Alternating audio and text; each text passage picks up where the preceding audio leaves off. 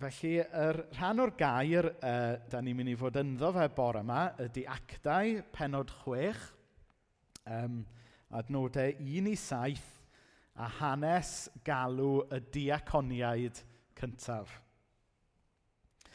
Felly, actau chwech, adnodau 1 i 7. Ond wrth i nifer y bobl oedd yn credu dyfu, cododd problemau – Roedd y rhai oedd o gefndir groegaidd yn cwyno am y rhoi oedd yn dod o gefndir hebreig.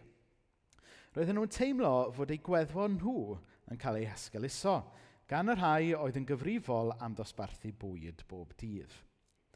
Felly dyma'r deuddeg yn galw'r credinwyr i gyd at ei gilydd.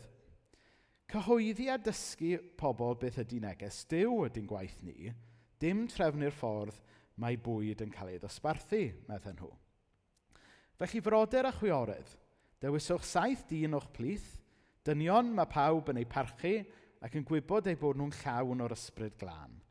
Dynion sy'n gallu gwneud y gwaith. Dyna ni'n mynd i roi cyfrifoldeb yma iddyn nhw.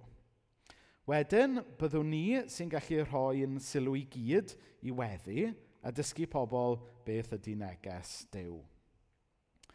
Roedd y syniad yma yn plesio pawb, a dyma nhw'n dewis yr rhain – Steffan, dyn oedd yn credu'n gryf ac yn llawn o'r ysbryd glân. A Philip, Procorus, Nicanor, Timon, Paramenas a Nicolas o Antiochia. Oedd ddim yn ei ddew, ond wedi troi at y grefydd ddewig a bellach yn dilyn y Meseia. Dyma nhw'n eu cyflwyno i'r apostolion ac ar ôl gweddio, dyma'r apostolion yn eu comisiynu nhw – ar gyfer y gwaith drwy roi ei dwylo arnyn nhw. Roedd neges Dyw yn mynd ar led, a nifer y disgyblion Jerusalem yn tyfu'n gyflym. Roedd nifer fawr o'r offeiriau diddewig yn dilyn y Meseia hefyd. Dad bendydd Dyw ar ei air i ni bore yma. Um, Iawn. Um, so, ni'n parhau bore yma i edrych trwy actau gyda'n gilydd. I ni'n cyfarfod rhai o gymeriadau ar y daith rhwng uh, Jerusalem a Rhifain. Um, diolch i Robin a Ffi am rannu uh, wythnos diwetha a hefyd i John chydig wythnosau cyn hynny. Nawr, cyn mynd ymlaen yn benodol i edrych ar y darn yma sydd gyda ni heddiw, dwi eisiau jyst siarad yn fwy cyffredinol ynglyn ag actau unwaith eto, a mynd â ni nôl i rhywbeth nes i rannu ar ddechrau y gyfres. Um, nath Martin, fel mae'n digwydd, danfon uh, link i podcast i fi wythnos yma, Pan mae, pan mae Martin gyda rhywbeth, dwi'n Martin ddim yma, so dwi'n lli deu hyn. Pan mae Martin gyda rhywbeth i ddweud wrtho fi, mae wastad yn meddwl am ffordd anuniongyrchol o ddweud e. Trwy fel danfon link i erthygl neu danfon rhywbeth i fi wrando arno. Um, a, a oedd yr, y link nath a hala fi wrthos hyn oedd um, podcast gan Tom Wright, neu NT Wright, mae rhai o'n chi'n gwybod pwy yw e, um, Ysgol Haig Beiblaidd. Ac mae ganddo fe ddau benod yn, yn, o'i podcast yn edrych ar sut i ddarllen llyfr yr actau. A dwi'n falch o ddeud bod fi'n cytuno gyda Tom Wright. mae fe wastad yn dda dydy pan dych chi'n cael rhyw, rhyw hunch a wedyn dych chi'n ffeindio allan bod rhywun sy'n lot fwy galluog ac yn gwybod y Beibl yn well na chi yn cytuno gyda chi. mae hwnna wastad yn gwneud fi deimlo well. Ac, um, a be oedd yr, yr benod yma o'r podcast gan Tom Wright yn dweud, oedd yn rhybuddio ni i beidio darllen actau yn rhy prescriptif, um, ond i ddarllen yn descriptif. So, be dwi'n glygu wrth hwnna? Nawr, prescriptif yw pan da chi'n darllen rhywbeth a meddwl, a ah, reit, okay, dyna yn union sy'n rhaid i fi wneud, felly na i fynd off a wneud e, a na i ddisgwyl yr union rhan canlyniadau. Um, Ac os dwi'n onest, yn hanesyddol dros y blynyddoedd diwethaf, dyna sut dwi wedi darllen actau. Dwi bron wedi darllen actau bron fel fformiwla, tybod. Fi jyst yn edrych i weld be, be maen nhw'n neud, a wedyn meddwl i fi, wel, os na i jyst trio copio hwnna, yn union fel oedd nhw'n wneud, yna na i wedyn weld yr un canlyniadau ag eithon nhw. Ac oedd Tom Wright yn rhybuddio ni i fod yn ofalus pan, ni, pan da ni'n gwneud hynny. Um, oherwydd, er bod calon pobl rhywun peth, er bod yr un dew wrth y llew, da ni'n byw mewn cyfnod gwahanol iawn i gyfnod llyfr yr actau. Felly, beth oedd Tom Wright yn dweud oedd bod e'n lot fwy helpful i ni edrych beth sy'n digwydd yn llyfr yr actau, cymryd yr egwyddorion cyffredinol, ond actually gofyn i ddew, wel be mae hwn yn edrych fel nawr i ni yn yn cyd-destun a'n bywydau ni sydd yn reit wahanol i fywydau pobl yn amser y Beibl. Dwi wedi bod yn euog o beidio gwneud hynny. Dwi wedi bod yn euog yn y gorffennol, um, pan dwi wedi siarad allan o llyfr yr actau, jyst i ryw haipio'r peth lan, trio cael bach o positive thinking a credu bydd Dyw yn gallu gwneud yr union rhywun peth a beth oedd e'n neud i bobl yr actau yn fy mywyd ac yn yn bywydau ni. Ond problem hynna yw bod yna gap wedyn rhwng yr hyn i ni'n gobeithio amdano a'r hyn sydd yn reality. Nawr, Da ni wedi gweld Dyw yn gweithio yn plith ni yn y blynyddoedd diwetha. Da ni wedi gweld pobl yn dod i gredu a da ni wedi gweld rhai pobl yn profi iachad ac yn y blaen. Ond dydyn ni heb weld cannoedd o bobl yn dod i gredu a dydy pawb da ni wedi gweddio amdano am iachad ddim wedi gweld iachad. Hynny yw, mae yna wahaniaeth yn does rhwng yr hyn i ni'n gobeithio amdano a'r hyn yw reality. A wedyn yr her ydy, be mae rhywun yn neud pan mae yna gap rhwng be ydych chi'n gobeithio amdano a reality. Na mae yna ddau lwybr posib. Mae'n bosib i ni gochi ysbryd pan mae yna gap yn dydy. Mae'n bwysig i ni flino, mae'n bwysig i ni, mae'n bosib i ni gael burnout. Mae'n ma bosib hyd yn oed i ni gochi ffydd yn dydy. Pan mae yna wahaniaeth rhwng reality a'r hyn i ni wedi gobeithio amdano. A dwi'n meddwl bod hwnna yn digwydd pan da ni yn gobeithio ar roed yn ffydd yn y pethau anghywir. Os da ni yn gobeithio am yr un outcomes, a, achos bod ni'n trio dilyn yr un fformiwlas ag actau, yna mi fyddwn ni'n cael yn siomi, a mi fydd yn ffydd ni falle yn cael ei siglo. Ond os da ni'n rhoi yn gobaith yn niw i hun,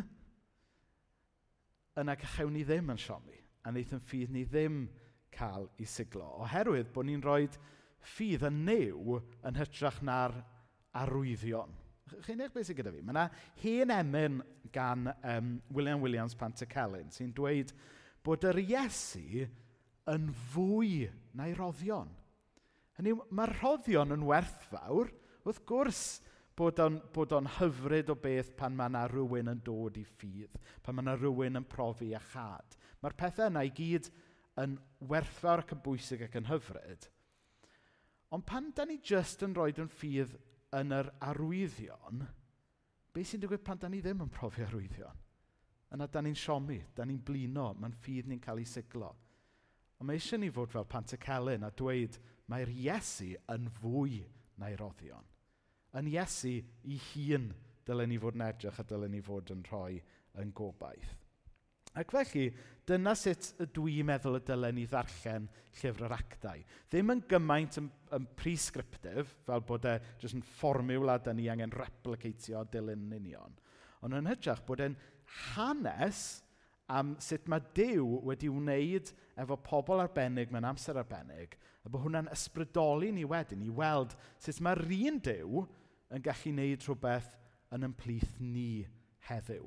A derbyn y bydd e yn edrych yn wahanol. Pam bydd e'n edrych yn wahanol? Wel, yn amser yr actau, oedd e 2,000 o flynyddoedd yn ôl. Oedd e'n gymdeithas glasurol rhyfeinig yn y dwyrain canol 2,000 o flynyddoedd yn ôl. Heddiw, da ni yn byw mewn cymdeithas fodern, dechnegol ôl-ddiwydiannol yng ngorllewin Ewrop 2000 o fynyddoedd yn ddiwedd arall. Bydde fe bach yn weird tasau fe ddim yn edrych yn wahanol os chi'n meddwl amdano fe. Hynny yw, fel fi'n dweud, mae natur dynol yr un peth, mae Dyw yr un peth, ond mae sefyllfa wedi newid. Yr un Dyw sydd ar waith, yn dad, yn fab ac yn ysbryd glân, yr un yw Cris ddoi heddiw ac yfori, fori, A mae cymaint o angen gwaredwr ar bobl a dynoliaeth heddiw ac erioed. A dwi'n meddwl bod yr ysbryd glân yn gallu gwneud pethau rhyfeddol heddiw gymaint ag erioed. Ond mi fydd be mae Dyw yn gwneud heddiw yn edrych yn wahanol. Oherwydd natur Dyw. Mae Dyw yn ddiw contextual. Nawr, be dwi'n golygu wrth hwnna? Wel, fel nath rhywun ddweud unwaith, um, of course God believes in contextualization. He wrote the New Testament in Greek. Hynny yw, yr un dew yw e, ond mi fydd y ffordd mae yn ymwneud â'i bobl ac ymdeithas yn addas. Hynny yw, nes i ddod i adnabod dew trwy'r iaith Gymraeg – So na chi jyst enghraifft amlwg o bod Duw yn gallu addasu gyrraedd pobl a cyrraedd cymdeithas. Na ddefnyddio un um, enghraifft i chi, enghraifft ddoniol, um, o pam bod e'n bwysig yn bod ni yn gweld be mae Dyw yn gwneud heddiw. Nawr, rhyw flwyddyn yn ôl, um, pan oedd pobl yn dechrau dod i arfer gyda eglwys ar-lein a cyfarfodydd gweddi Zoom ac yn y blaen. Oedd e'n rhyw steep learning curve i ni gyd yn doedd. A rhai pobl wedi gweld yr addasu yn haws nag eraill. A dwi'n cofio gweld un ffrind oedd ddim yn addasu yn arbennig o dda, yn cael rhyw rant ar Facebook ynglyn â'r peth. A, ac oedd e'n dweud um, fel hyn, I don't remember reading in the Bible about online church. Nawr, ac ystyried bod actor apostolion wedi sgwennu 2,000 o flynyddoedd yn ôl a bod yr internet yma wedi cael ei inventio tua diwedd yr 20fed ganrif, bydde fe'n eitha prophetic tas y sôn am yr internet yn llyfr yr actau. Yn yw, dwi'n gwybod beth oedd y ffrind yma'n disgwyl. Oedd e'n disgwyl gweld adnodau fel Blessed are those who, who are still using Windows XP. Neu There is neither Mac nor PC, iPad nor Galaxy tablet, Gwana Hughes. Camera on, no camera off, for you are only one in Christ Jesus. Hynny yw, dwi'n hiwmor o chi nawr, ond chi'n deall y pwynt. Wrth gwrs bod dim sôn am online church yn y Beibl.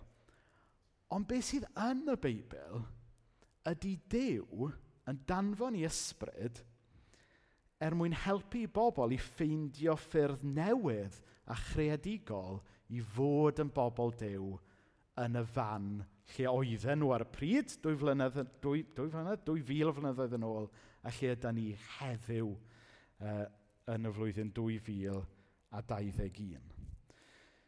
Dyw llyfr yr actau ddim yn dweithio ni'n union beth i wneud ym mhob un sefyllfa. Ond beth sydd yma yw rhywbeth i'n ysbrydoli ni i weld sut mae'r un dew yn gallu bod ar waith yn ein cyd-destun ni heddiw. Mae e'n dweitha ni ynglyn a sut mae plan ni hadau i deyrnas yn ein plith ni heddiw. So dyna rhyw gyflwyniad hir iawn ynglyn â sut dwi erbyn heddiw yn, yn darllen actau'r apostolion. So at y darn sydd gyda ni heddiw, wel, hanes sydd gyda ni heddiw ynglyn â penodi y diaconiaid cyntaf yn yr eglwys grisnogol erioed. Um, oedd yr eglwys ar y pryd yn tyfu. Um, a, ac wrth bod yr eglwys yn tyfu, mi oedd yna fwy a fwy o bethau i wneud a mwy a mwy o bobl i ofalu amdanyn nhw. Ac oherwydd y twf arithrol yma oedd yn yr eglwys grisnogol ar y pryd, mi oedd yna rai pobl a rhai pethau y mywyd yr eglwys yn cael ei esgeluso. Ac yn benodol, mi oedd yna un grŵp o bobl yn, yn teimlo bod nhw ddim yn cael chwarae teg, sef gweddwon um, y groegiad oedd yn rhan o'r eglwys grisnogol. Um, Oedden nhw yn meddwl bod nhw'n cael ei esgyluso. Um, mae'n ddigon posib i bod nhw. Mae'n ddigon posib bod y credinwyr oedd yn iddewon yn edrych i lawr ar y credinwyr oedd yn groegied, mae hwnna'n un esboniad, mae'n bosib hefyd bod nhw ddim yn llythrenol yn cael ei esgyluso, jyst bod arweinwyr yr eglwys jyst yn overwhelmed gyda'r gwahanol bethau a pobl oedd angen i wneud. A allai i ddweithio chi o brofiad bod yn anodd weithiau i weinido gwybod be ddylai gael y flaenoriaeth o un wythnos i'r llall. Nawr, un opsiwn oedd yn wynebu yr eglwys oedd y byddai yr arweinwyr oedd wedi bod yng ngofal y dysgu, y pregethu, os hoffech chi, y cenhadu, um, oedd bod nhw'n gwneud llai o hynna er mwyn rhoi mwy o sylw i bethau ymarferol. Ond mae'n cael ei adrodd bod nhw ddim yn meddwl bod hwnna'r peth iawn i wneud.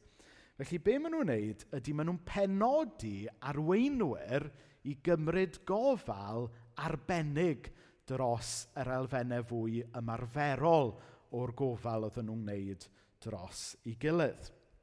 Um, a bod hwnna'n rhyddhau ar arweinwyr eraill i ganolbwyntio ar y pethau oedd nhw yn barod yn wneud. A wedyn ni'n gweld bod nhw wedi penodi saith person i wneud y job yma. Nawr, mae'n ymddangos mai cyfrifoldebau ymarferol oedd gan rhain, yn benodol dosbarthu bwyd ymhlith yr eglwys yn arbennig rhai oedd methu gofalu ar ôl ei hunain.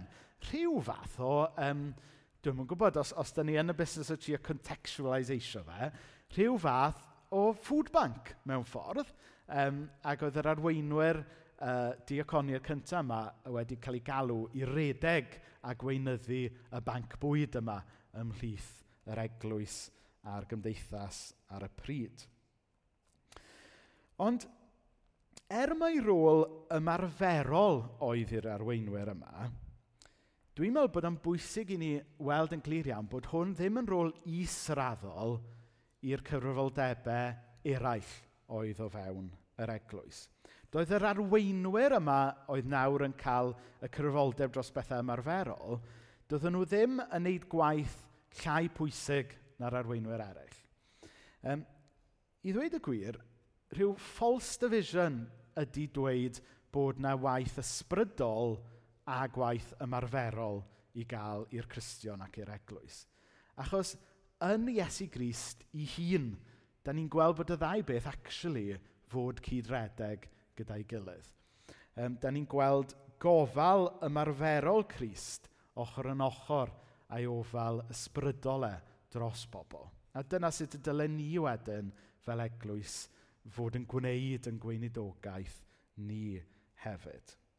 Wedi dweud hynny yn ymarferol, mae'n naturiol bod yna rai pobl yn yr eglwys um, a mwy o faich a mwy o ddoniau naturiol i, i helpu gyda gwahanol rannau o waith yr eglwys. Ond crucially, dyw e ddim yn golygu fod na ddau ddosbarth o bobl o fewn yr eglwys, neu bod y pobl um, sort of super spiritual sy'n neud pethau fel y pregethu, a'r pobl llai ysbrydol a llai diwiol sy'n neud y pethau ymarferol. Ddim o gwbl. Da ni'n gweld yn yr hanes yma fod y gwaith a'r cyfrifoldeb ymarferol yn yr eglwys, yr un mor bwysig yn gofyn am yr un math o ymroddiad, yn gofyn am yr un lefel o ymrwymiad a ffydd a diwioldeb ac ydy unrhyw rôl arall yn yr eglwys. A da ni'n gweld fan hyn fod yr arweinwyr y diaconiaid, fod nhw'n bobl um, oedd pawb yn eu parchu.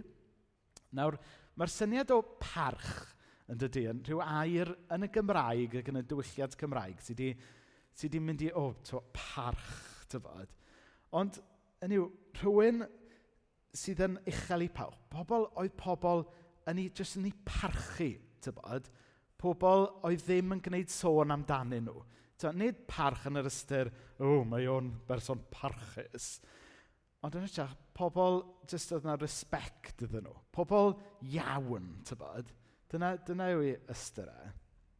Ac yn ail, bod nhw'n bobl llawn o'r ysbryd glân. Mewn geir eraill, pobl oedd ddim yn sych ddiwiol, nid yn bobl berffaith, mae'n siŵr, ond pobl oedd yn credu a wedi profi cariad Dyw. A mae hwn mor bwysig i ni gofio. Dyma da ni. Dyma yw'r alwad i ni fel Cresnogion. Mae'r alwad yma i bawb, ddim jyst pobl sydd falle'n cael ei arwain yn yr eglwys. Mae'n alwad i bawb. Nawr yn drist iawn, mae'r syniad o pwy ddyle arwain eglwysu yn y diwylliant Cymraeg. Mae e, mae e wedi mynd yn hanesyddol dros y degawdau diwethaf. Mae wedi mynd chydig bach yn bell o be da ni'n gweld yn y Beibl. Mae rhywun yn clywed storis weithiau am um, eglwys yn codi rhywun yn ddiacon, just achos bod e'n accountant wedi ymddeol a, a bod nhw angen rhywun i wneud y llyfrau. Mae rhywun yn clywed am rhywun yn cael ei godi yn flaenor just achos bod e yn gynbrifathro neu yn arfer gweithio fel cyfreithiwr ac felly bydde fe'n dod â bach o gravitas i'r capel. Mae rhywun yn clywed hyd yn oed am rhywun yn cael ei wahodd i bregethu Piwli achos bod e'n siaradwr cyhoeddus da. Nawr, dwi ddim yn dweud bod accountants, prif athrawon a cyfreithwyr methu arwain yn yr eglwys, a dwi'n credu dyle pregethwyr fod yn siaradwyr cyhoeddus da. Ond y pwynt yw, mae arwain yn yr eglwys yn wahanol i arwain mewn cylchoedd eraill. Y peth pwysicaf yw bod y person yna a perthynas real gyda Dyw. Bod y person yna yn agos at y Dyw mae'r eglwys fod pwyntio pobl ato fe. Does dim angen i arweinwyr eglwys fod yn berffaith. Dwi'n sicr ddim yn berffaith. Ond mae angen iddyn nhw fod yn real. Does dim angen i arweinwyr yr eglwys wybod y cyfan, ond mae angen iddyn nhw adnabod yr Iesu. A dyna, da ni'n gweld yn yr hanes yma.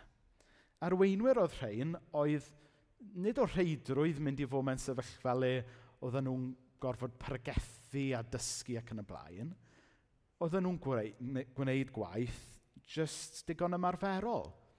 Ond oedd e'r un mor bwysig bod rhain ac unrhyw un arall yn adnabod a perthynas efo'r dew oedd yr eglwys yn ei addoli.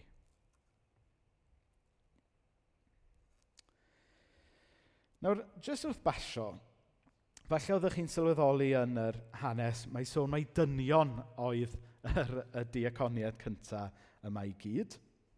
Um, mi oedd hynna oherwydd cyd-destun penodol yr hanes yma. Mae yna lefydd eraill yn yr Testament Newydd le mae yna sôn am ferched yn gweithredu fel diaconiaid. Um, felly, peidiwch, peidiwch a meddwl bod, bod yna waharddiad a'r ferched i arwain yn yr eglwys oherwydd yr hanes penodol yma.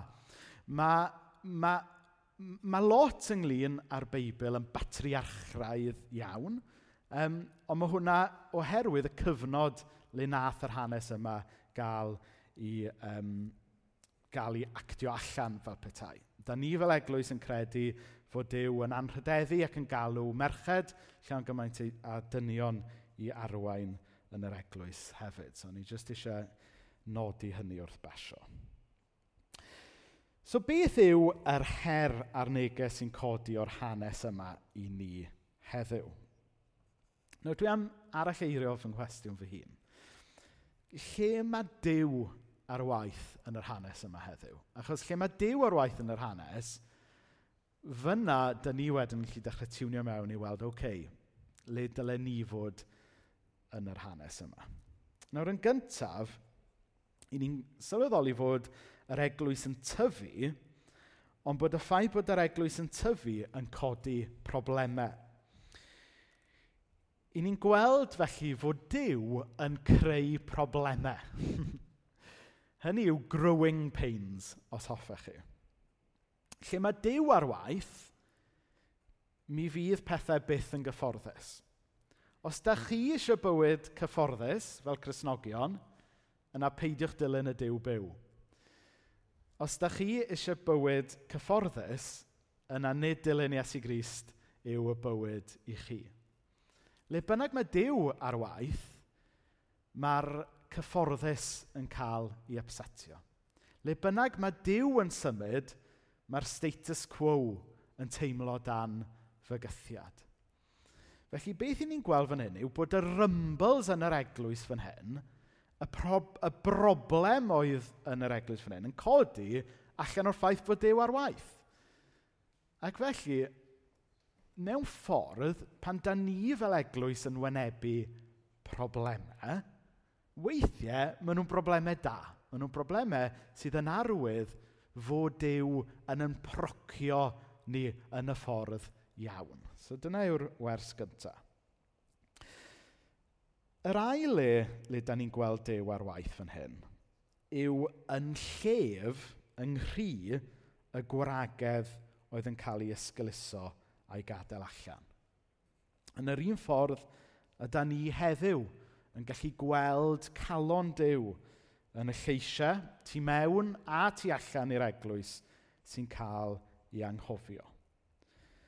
Ac felly, fel eglwys, mi ddylen ni wastad fod yn bobl sydd ddim yn chwilio i fod yn byblogaidd ac ar yr ochr sy'n ennill, ond mi ddylen ni fod yn chwilio am y bobl ar yr ymylon a, a bod yn lais dros y lleisiau sydd ddim yn cael eu clywed.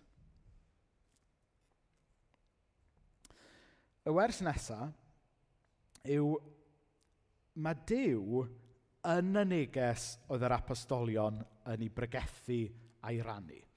Mae ma nhw'n rhoi sylw fan hyn i'r gwaith ymarferol fel bod y gwaith fwy ysbrydol os hoffech chi ddim yn cael ei esgyluso oherwydd fod um, pregethu, rhannu y newyddion da am Iesu yn bwysig.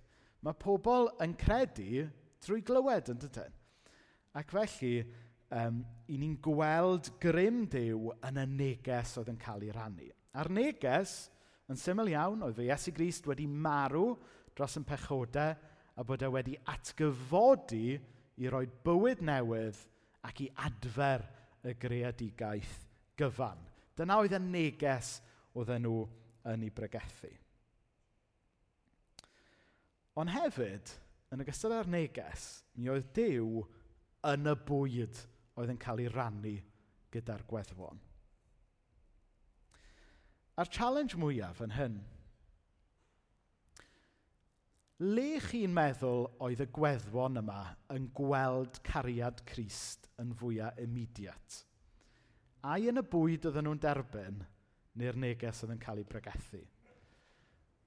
Wel, yn fwyaf immediate, mae'n siŵr yn y bwyd oedden nhw'n derbyn, yn dyfa. Ac oedd hwnna wedyn yn neud iddyn nhw rando ar y neges. A mae hwnna yn her i ni.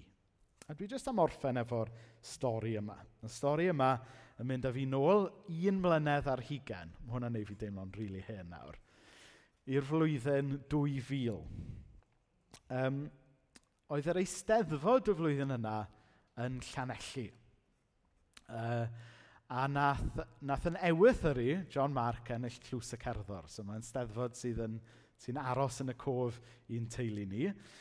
Um, Llion Jones, Erir Wen, Gloria tyd adra ffeim nath ennill y gader y flwyddyn yna. Ond ta beth, um, y flwyddyn yna oedd ffrind i fi a thei aros yn maes bi am y tro cyntaf.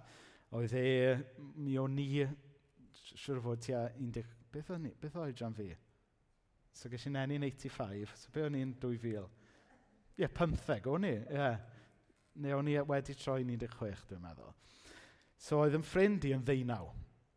Ychydig bach hi e a fi. Ac ath ei, anyway, da chi ddim angen y details. A nath o, nath o fynd i aros yn maes bi am y tro cyntaf. Ac, a doedd e ddim yn um, credu. Oedd rhai ffrindiau iddo fe'n credu. Oedd e wedi clywed rhywfaint ynglyn â'r ffydd grisnogol, ond doedd e ddim yn credu. Ac ath ei aros yn maes B, y maes ieunctid. A'r flwyddyn yna, fel sy'n digwydd actually yn pob blwyddyn, erbyn diwedd yr wythnos, yna storm fawr, glaw mawr a gwynt mawr wedi dod. A wedyn tua diwedd yr wythnos, um, yn oriau man y bore, dyma i babell e jyst yn rhwygo uh, a cael ei trasio yn llwyr. A dyna le oedd e, a'r elfennau i gyd yn dod lawr ar ei bennau. Mi oedd e'n lib, mi oedd e ar goll, a mi oedd e'n oer. A dyma fe'n crwydro mewn i'r gorlan i chwilio am gysgod. Nawr, i chi sydd yn gwybod be ydy'r gorlan, y gorlan oedd... Um, mae'r gorlan dal yn bodoli, ond mae gwaith nhw wedi newid chydig bach nawr. Ond pan o'n i'n tyfu lan, beth oedd y gorlan oedd pabell ar maes bi oedd yn cael ei redeg gan grisnogion, oedd yn sort of cynnig um, help ymarferol, bwyd a gofal i bobl oedd, be allai e ddweud, wedi cael un bach yn ormod a wedi mwynhau hunain i'r eithaf. Um, felly dyma'n ffrind i yn mynd i'r gorlan i chwilio am gysgod. A, a dyma yn amlwg un o'r bobl oedd yn gweithio yn y gorlan yn gweld bod yn ffrind i bach wys fywir um, ac ar goll. A dyma fe'n mynd i ofyn, wel, beth sy'n bod? A wedyn, wedyn yn ffrind i'n rhannu, wel, mae mhabell i'n hollol trash da, mae'r glaw a'r gwynt i gyd o mewn, fi ddim yn gwybod le fi'n mynd i gysgu heno. Wedyn dyma'r boi yma, oedd yn gweithio yn y gorlan, yn diflannu. Wedyn dyma fe'n dod nôl uh, chydig funudau wedyn, a dweud, dwi wedi ffeindio rolau i ti roed dy ben i lawr heno. Um, A, ac oedd y ffrind i'n meddwl, gret, briliant, sounds good to me. A wedyn, dyma fe'n cael ei arwen, a dyma fe'n ffeindio'r babell, a dyma fe'n mynd i gysgu yn y babell tan y bore. Wedyn y bore wedyn, dyma'n ffrind i'n agor zip y babell, a ffeindio y boi o'r gorlan oedd yn cysgu yn y porch, um, yn oer i gyd, yn lif i gyd, A dyma fe'n gwawrio ar yn ffrind i fod y boi yma o'r gorlan wedi rhoi fyny i babell e er mwyn i'n ffrind i gael lle i gysgu. Bod y boi yma o'r gorlan wedi rhoi fyny i gyfforddusrwydd e, wedi aberthu os hoffech chi i gyfforddusrwydd e, er mwyn i'n ffrind i gael lle sych i gysgu yn oson yna. Nawr, fast forward 21 o flynyddoedd, a mae'r ffrind yma, nid yn unig nawr yn gristion, ond mae fe'n arwain un o eglwysi mwyaf Cymru, sef Christchurch Cas Newydd. A enw'r ffrind yma yw Lewis Roderick. Mae'r rhai o'n chi yn adnabod e. Ac yn y misoedd yn dilyn y digwyddiad yma, nath Lewis ddechrau edrych mewn i be nath wneud i'r boi yma roed fyny i le cyfforddus e er mwyn i fi gael lle i gysgu. A'n amlwg dyma fe'n edrych mewn i ffaith, o, oh, wel, mae'r boi yma'n Gristion. Beth am y ffydd grisnogol sy'n neud i'r boi yma a berthu er fy mwy ni? A dyma fe'n dechrau edrych mewn i'r Iesu yma. A wedyn, maes o law, dyma Lewis yn dod i gredu i hun. A nawr mae Lewis yn, yn, yn pregethu ac yn rhannu cariad Crist i, i gannoedd miloedd o bobl bob blwyddyn fel rhan o'i waith. Ond y pwynt yw, pwynt dwi'n trio wneud i chi weld, yw mae gweithred ymarferol o gariad grisnogol nath droi llygad lewis yn gyntaf tuag at y neges grisnogol. Chi'n deall y pwynt sydd gyda fi fan hyn?